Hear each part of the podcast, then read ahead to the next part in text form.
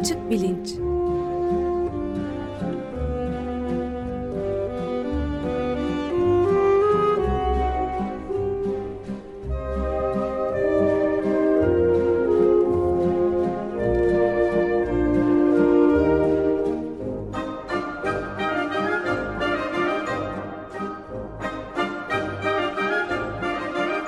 Güven Güzeldere ile bilim ve felsefe sohbetleri.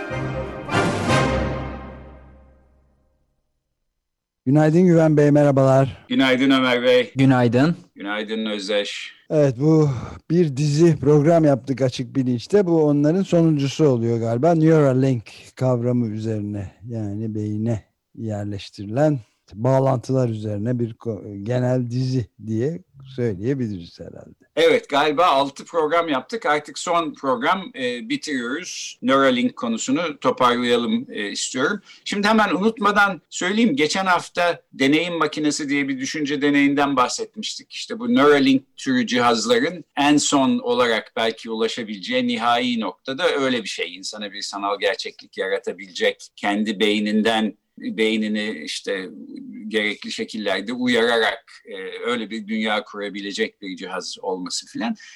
Bu fikir aslında açık bilince daha önce konuk da olmuş olan arkadaşımız Murat Gülsoy'un bir romanında aslında var. E, Yalnızlar için çok özel bir hizmet e, diye bir e, roman. Benzer bir takım düşünceleri de e, işte birkaç ay içinde çıkacak yeni e, öyküler kitabında e, Murat ele almış. Bunu söylüyorum şu yüzden e, yalnızlar için çok özel bir hizmet e, romanı tiyatroya uyarlanmış ve Dastas Online diye bir şirket tarafından online olarak seyredilebiliyor. İlk e, gösterimi geçen cumaydı. Ben de aslında bir hevesle bağlanmaya çalıştım fakat web sitesinin tasarımını yapanlar yurt dışından bağlanıp işte bilet almak isteyenleri düşünmemişler ya da ben beceremedim falan olmadı. Neyse fakat bir sonraki oyun 14 e, Şubat'ta. Dolayısıyla bu konuları merak edenler ve Murat'ın bu romanından uyarlanmış bu tiyatro eserini izlemek isteyenler oradan bakabilirler. Önce bunu bir duyurmuş olayım istedim.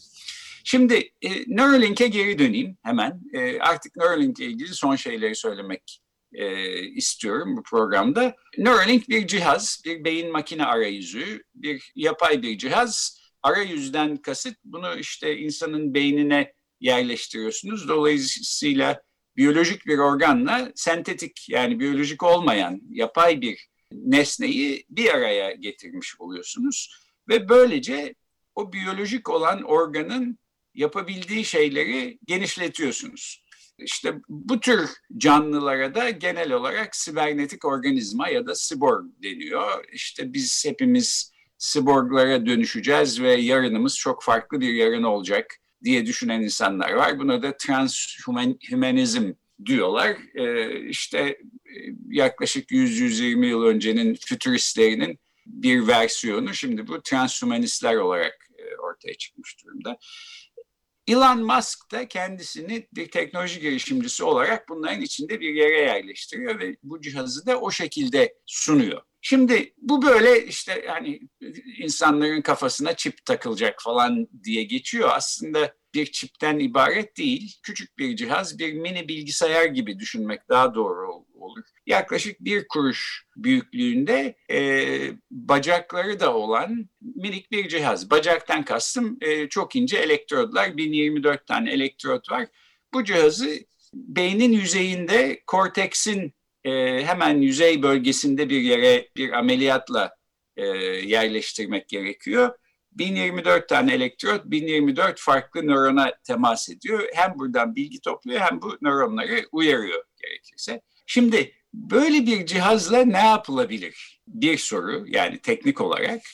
Ee, Elon Musk neler yapılacağını e, vaat ediyor. Bir başka soru. Böyle bir cihazı işte hani bir promosyon olarak açık radyoya sundu diyelim Elon Musk. Geliyor da gidiyor biliyorsunuz Türkiye'de falan bir, bir, bir takım işler yapmaya çalışıyor filan e, burasıyla da. E, ister miydiniz, taktırır mıydınız? Yani bedavadan işte buyurun e, taktıralım beyninize birer tane hem de mesela kayıtları daha kolay yapacaksınız filan işte. Neyse bir şeyler de önermiş olsun. Biraz da bundan konuşalım istiyorum ve ne, ne tür sakıncalar barındırıyor, ne tür ahlaki sorunlar barındırıyor biraz bunlardan bahsedeceğim. Şimdi e, bu tür bir cihazla üç farklı yöntem e, geliştirilebilir diye anlatmaya çalışmıştım ilk başta. Bir tanesi beyne dışarıdan müdahale etme yöntemi. Bunun çok çeşitli örnekleri var. Bir örneğini e, operatör doktor Ali Zırh'la konuşmuştuk. İşte Parkinson hastaları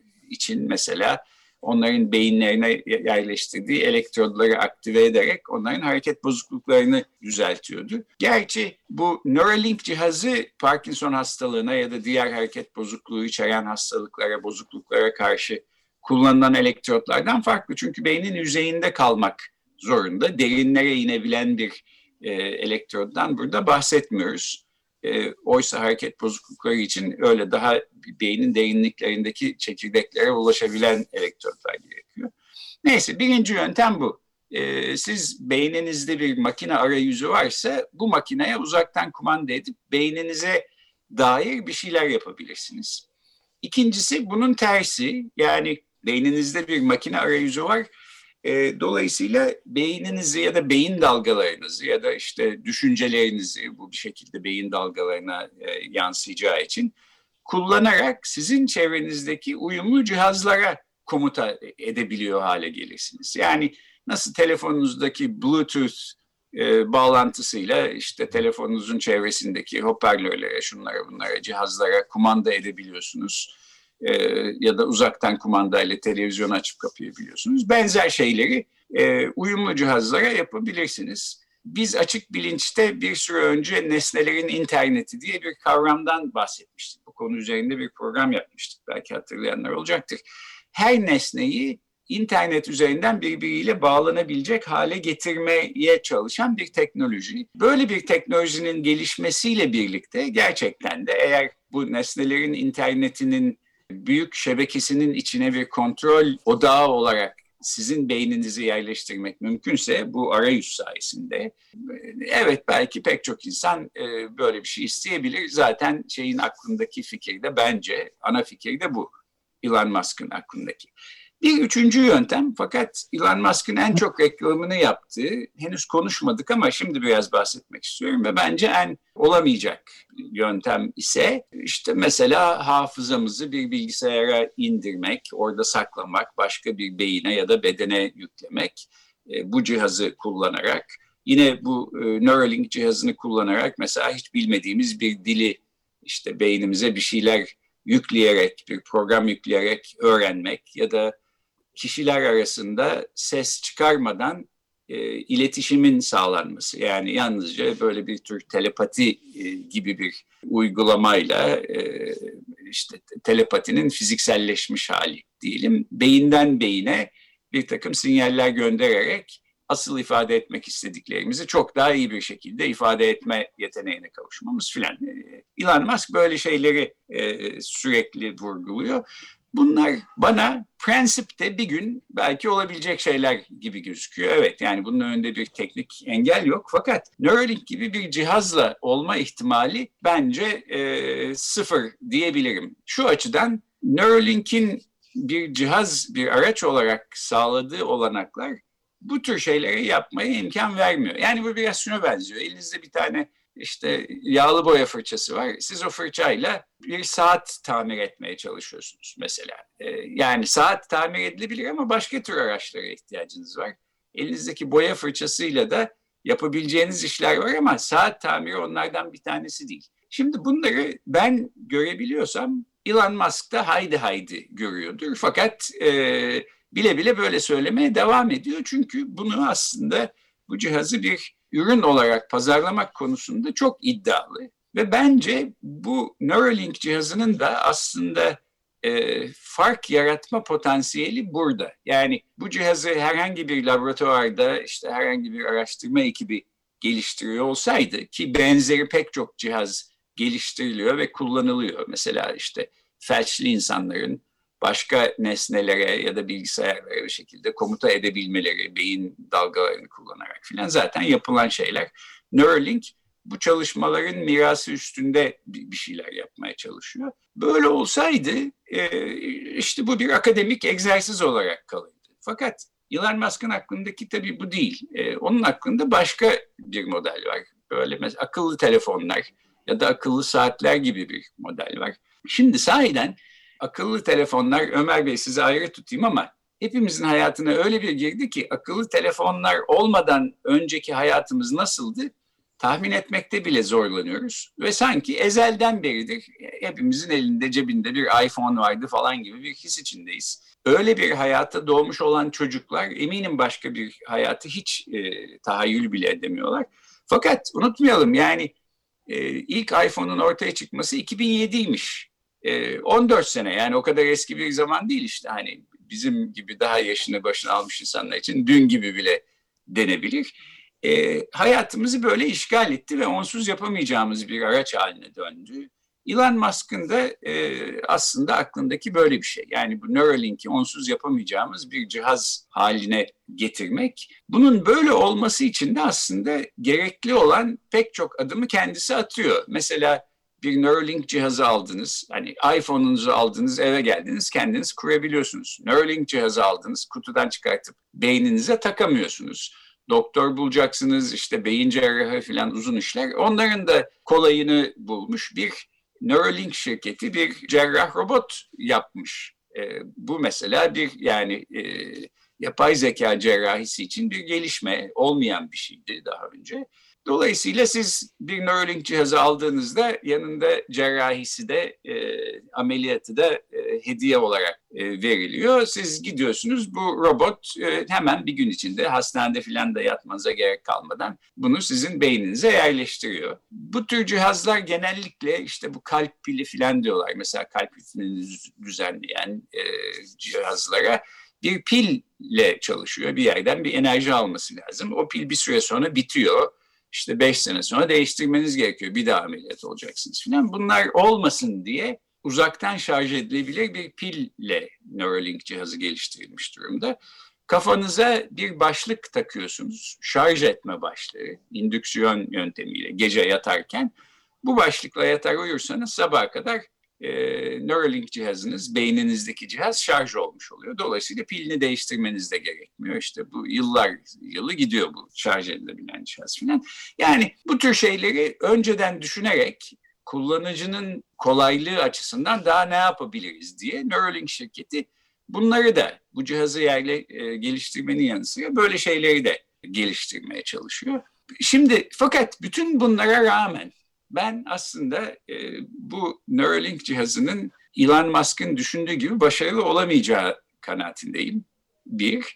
Fakat başka bir versiyonuna e, geliştirirlerse aslında çok başarılı olabilirler diye düşünüyorum. Kulaklarına kar suyu kaçmasın diye çünkü onda aslında bir takım e, zararlı, e, potansiyel olarak zararlı sonuçları olabileceği kanaatindeyim ama ondan da bahsedeyim. Şimdi önce bu cihaz hakkında birkaç çekincemi söyleyeyim. Bir tanesi e, elektronik bütün cihazlar e, yıllardır her geçen sene işte daha iyileşiyor, daha hızlanıyor, kapasitesi büyüyor ve fiyatı düşüyor.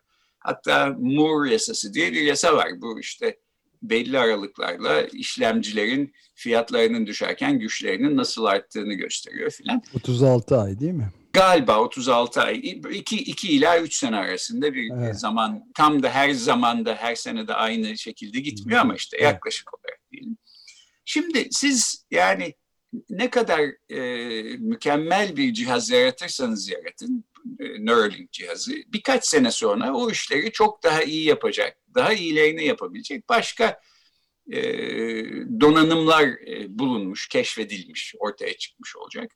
Bunlar yani bir süre bu cihazı işte belki yeni programlar yükleyerek filan idare edebilirsiniz ama aynı telefonlarda, bilgisayarlarda olduğu gibi bir süre sonra bu cihaz demode olacak. Yani işte 3 sene bilemediniz 5 sene. O zaman bir daha ameliyat olacaksınız. Onu beyninizden çıkarttıracaksınız, başkasını taktıracaksınız filan. Bu aslında insanların cesaretini kıracak bir şey gibime geliyor ve bundan e, kaçış yok. Yani bu cihazı çıkarttım işte aldım bunu taktın 50 sene bununla yaşayacaksın filan demeye imkan yok. Çünkü her geçen sene teknoloji daha ileri götürüyor bu, bu, bu tür donanımları. Bu bir. İkincisi bir de hacklenme durumu var. Siz böyle bir cihazı taktığınız zaman kafanıza internet şebekesi içinde bir kendinize bir yer bulmuş olacaksınız. Şimdi eski zamanlarda birisinin sizin bir şeyinizi çalması için evinizin kapısına gelmesi lazımdı. Değil mi? Yani işte dünyanın bir ucunda ne bileyim Rusya'nın ücra bir e, kentinde bir kişinin gelip size bir zarar vermesi ya da bir şeyinizi çalmasının imkanı ihtimali yoktu. Fakat internete bağlı olduğunuz zaman herkesle komşusunuz. Herkes sizin kapınızda aslında. Yani dünyanın herhangi bir yerinden birisi biraz uğraşırsa sizin şifrenizi kırabilir, bilgisayarınıza girebilir, kafanızda bir Neuralink cihazı varsa buna da ulaşabilir. E, bu işler daha da kolaylaştı. Onu da maalesef e, söylemek durumundayım. Eskiden ciddi bir bilgisayar bilimleri bilgisi gerekiyordu. Şimdi bu tür programları satın almak filan da mümkün. Yani şifre kıran programları şu bu. E, sizin kafanızda böyle bir cihaz varsa ve birisi buna uzaktan ulaşabilirse olmadık şeyler yaptırabilir e, size belki. Dolayısıyla yani Neuralink cihazının sizin hayatınızda ne kadar entegre olduğuna bağlı olarak aslında böyle bir tehlike ile yüz yüze kalacaksınız demektir ve bu da böyle yine kaçışı olmayan bence dezavantajlarından bir tanesi Neuralink. Ben de bir e, itirazda bulunabilir miyim? Tabii yani, tabii. Ben size hiç katılmıyorum Güven Bey çünkü e, bir kere e, Elon Musk'ın bunu geliştirip kendisine taktığından bile hiç şüphem yok. Yani yeryüzünün gördüğü en büyük 100 yıldan beri gördüğü en büyük pandeminin yaşandığı bir yılda ve aşağı yukarı bakıyorum şimdi sadece 2020'de 1,7 milyon insan öldü. 1 milyon 700 bin ve 70 milyondan fazla insan da hastalandı ve bu devam ediyor. Büyük bir dalga dalga devam ediyor. Çok ciddi bir problem yani dünyanın sonu getirmemekle beraber ve hiçbir ülkede baş edemedi bununla şimdiye kadar. En kötüsü de Amerika Birleşik Devletleri'ydi. 25 milyondan fazla insan hasta oldu ve 420 bini aşkın sayıda insan da öldü Johns Hopkins Coronavirus Resource Center'dan öğrendiğimize göre. Şimdi bakıyoruz Elon Musk 24.6 Mart'ta başladığı zaman bu Covid'in başladığı sırada 24 virgül ya da nokta 6 milyar dolarlık bir servete sahipti. 18 Mart'ta başlıyorlar ve 18 Ocak 2021'e kadar bu serveti 154.6 milyar dolara ulaşmış. Yani bu dünya çapında, dünyada hiç şimdiye kadar görüldüğünü zannetmediğim kesinlikle Forbes dergisinden okuyorum bunları da 154,6 milyar dolarla yüzde 628 buçuk bir artış sağlamış. Bunu Tesla evet. ve SpaceX'le bunu başka türlü yapabilmesinin imkanı olduğunu düşünmüyorum. Neuralink gibi bir araç daha yani bir araç olmadan ve kesinlikle yanıldığınız kanaatindeyim. Evet maşallah diyoruz vallahi zenginin malı bizim e, çenemizi yoruyor e, malum. Bu, bu ama e, bu bir mucize yani. E, neredeyse. Ben de şöyle bir şey ekleyeyim. E, bu Neuralink konusunda yazanlar bir de şöyle bir e, çekinceye e, işaret ediyorlar Diyorlar ki bu Neuralink'i yalnız parası olan zenginler e, taktırabilir. Yoksullar taktıramazsa ve bu zenginler için daha da bir avantaj sağlarsa bu sizin dediğiniz gibi evet. yoksullarla zenginler arasındaki uçurum daha da genişler filan. Olabilir fakat ben e, Neuralink'in bu tür bir avantaj sağlayabileceğini doğrusu düşünmüyorum. Yani nörobilimsel açıdan baktığım zaman e, hatta belki tarihin bir ironisi bir bozukluk neticesi e, kafasına Neuralink cihazı taktırmış olan herkes ölür gider. E, zenginlerin olmadığı bir dünya yoksullara kalır. Yeniden bir dünya kurar yoksullar falan. Belli olmaz yani bu, bu işler. E, o konuda söyleyeceğim o. E, şimdi Neuralink cihazının bence başarılı olamayacağı kadar başarılı olabilecek bir cihaz ne olurdu?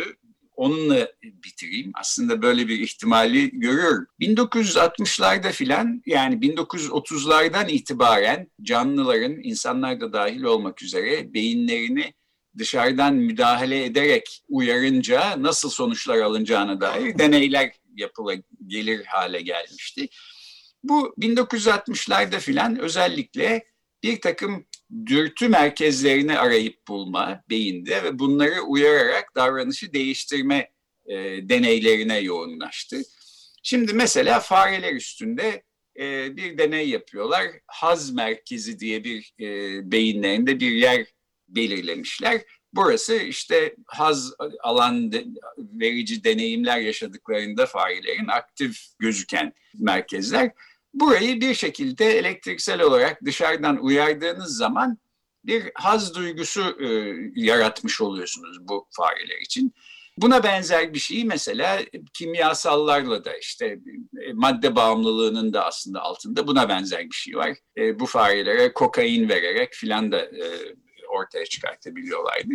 Neyse bu, bu tür deneylerde işte hayvan bir kafeste duruyor oraya bir tane de pedal koymuşlar. O pedala basarsa bu haz merkezi uyarılıyor ve bir haz hissi doğuyor hayvanın içinde. Böyle varsayılıyor. Bu tür deneylere e, maruz bırakılan fareler yemeği, içmeyi, her şeyi bir tarafa bırakıyorlar. Sosyal davranışları falan da yok oluyor tamamen. Böyle yani bitap düşüp bayılana kadar o pedala basıyorlar. Çünkü o haz deneyimi işte demek ki hoşlarına gidiyor ve her şeyin aslında e, önüne geçiyor. Şimdi bu tür e, merkezler tabii insan beyninde de var. E, yani bu Parkinson hastalığı için kullanılan türde derine giden elektrotları yerleştirmek mümkün. Bir haz merkezine yerleştirdiniz insanlarda ya da mesela iştahı regüle eden bir yere yerleştirdiniz.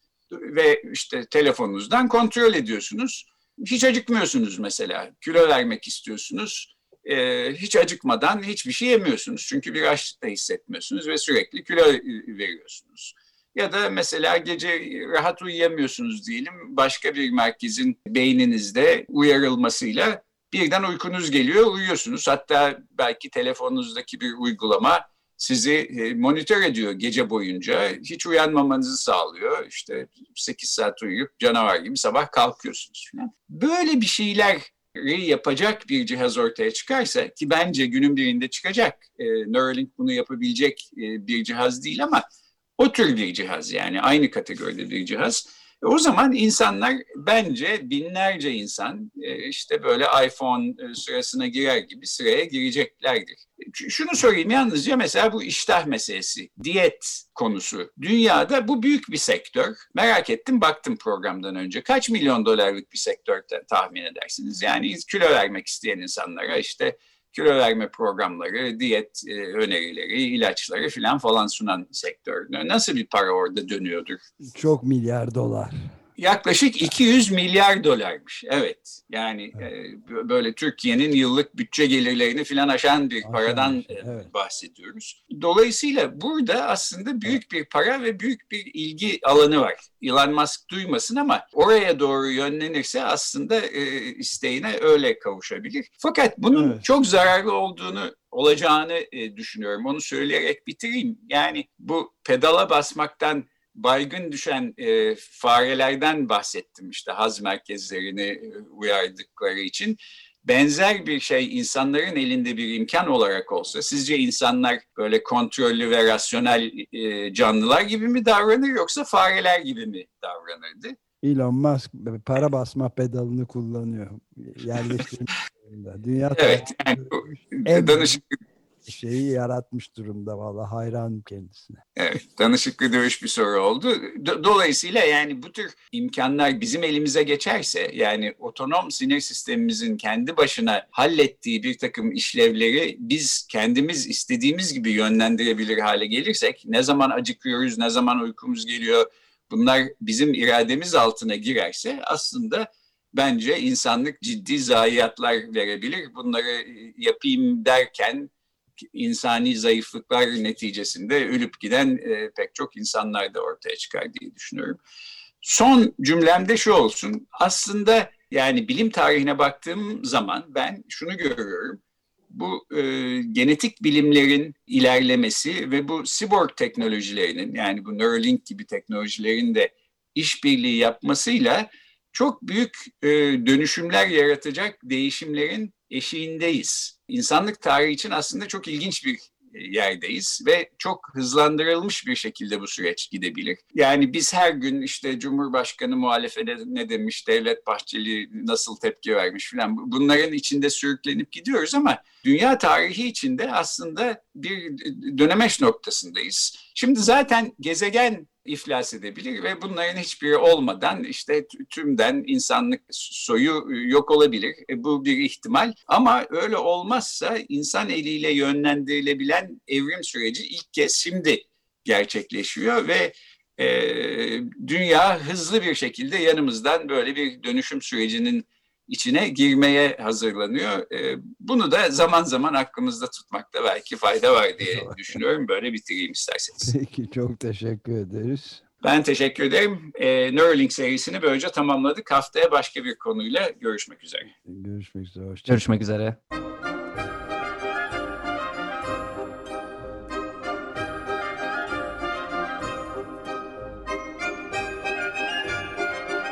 Açık Bilinç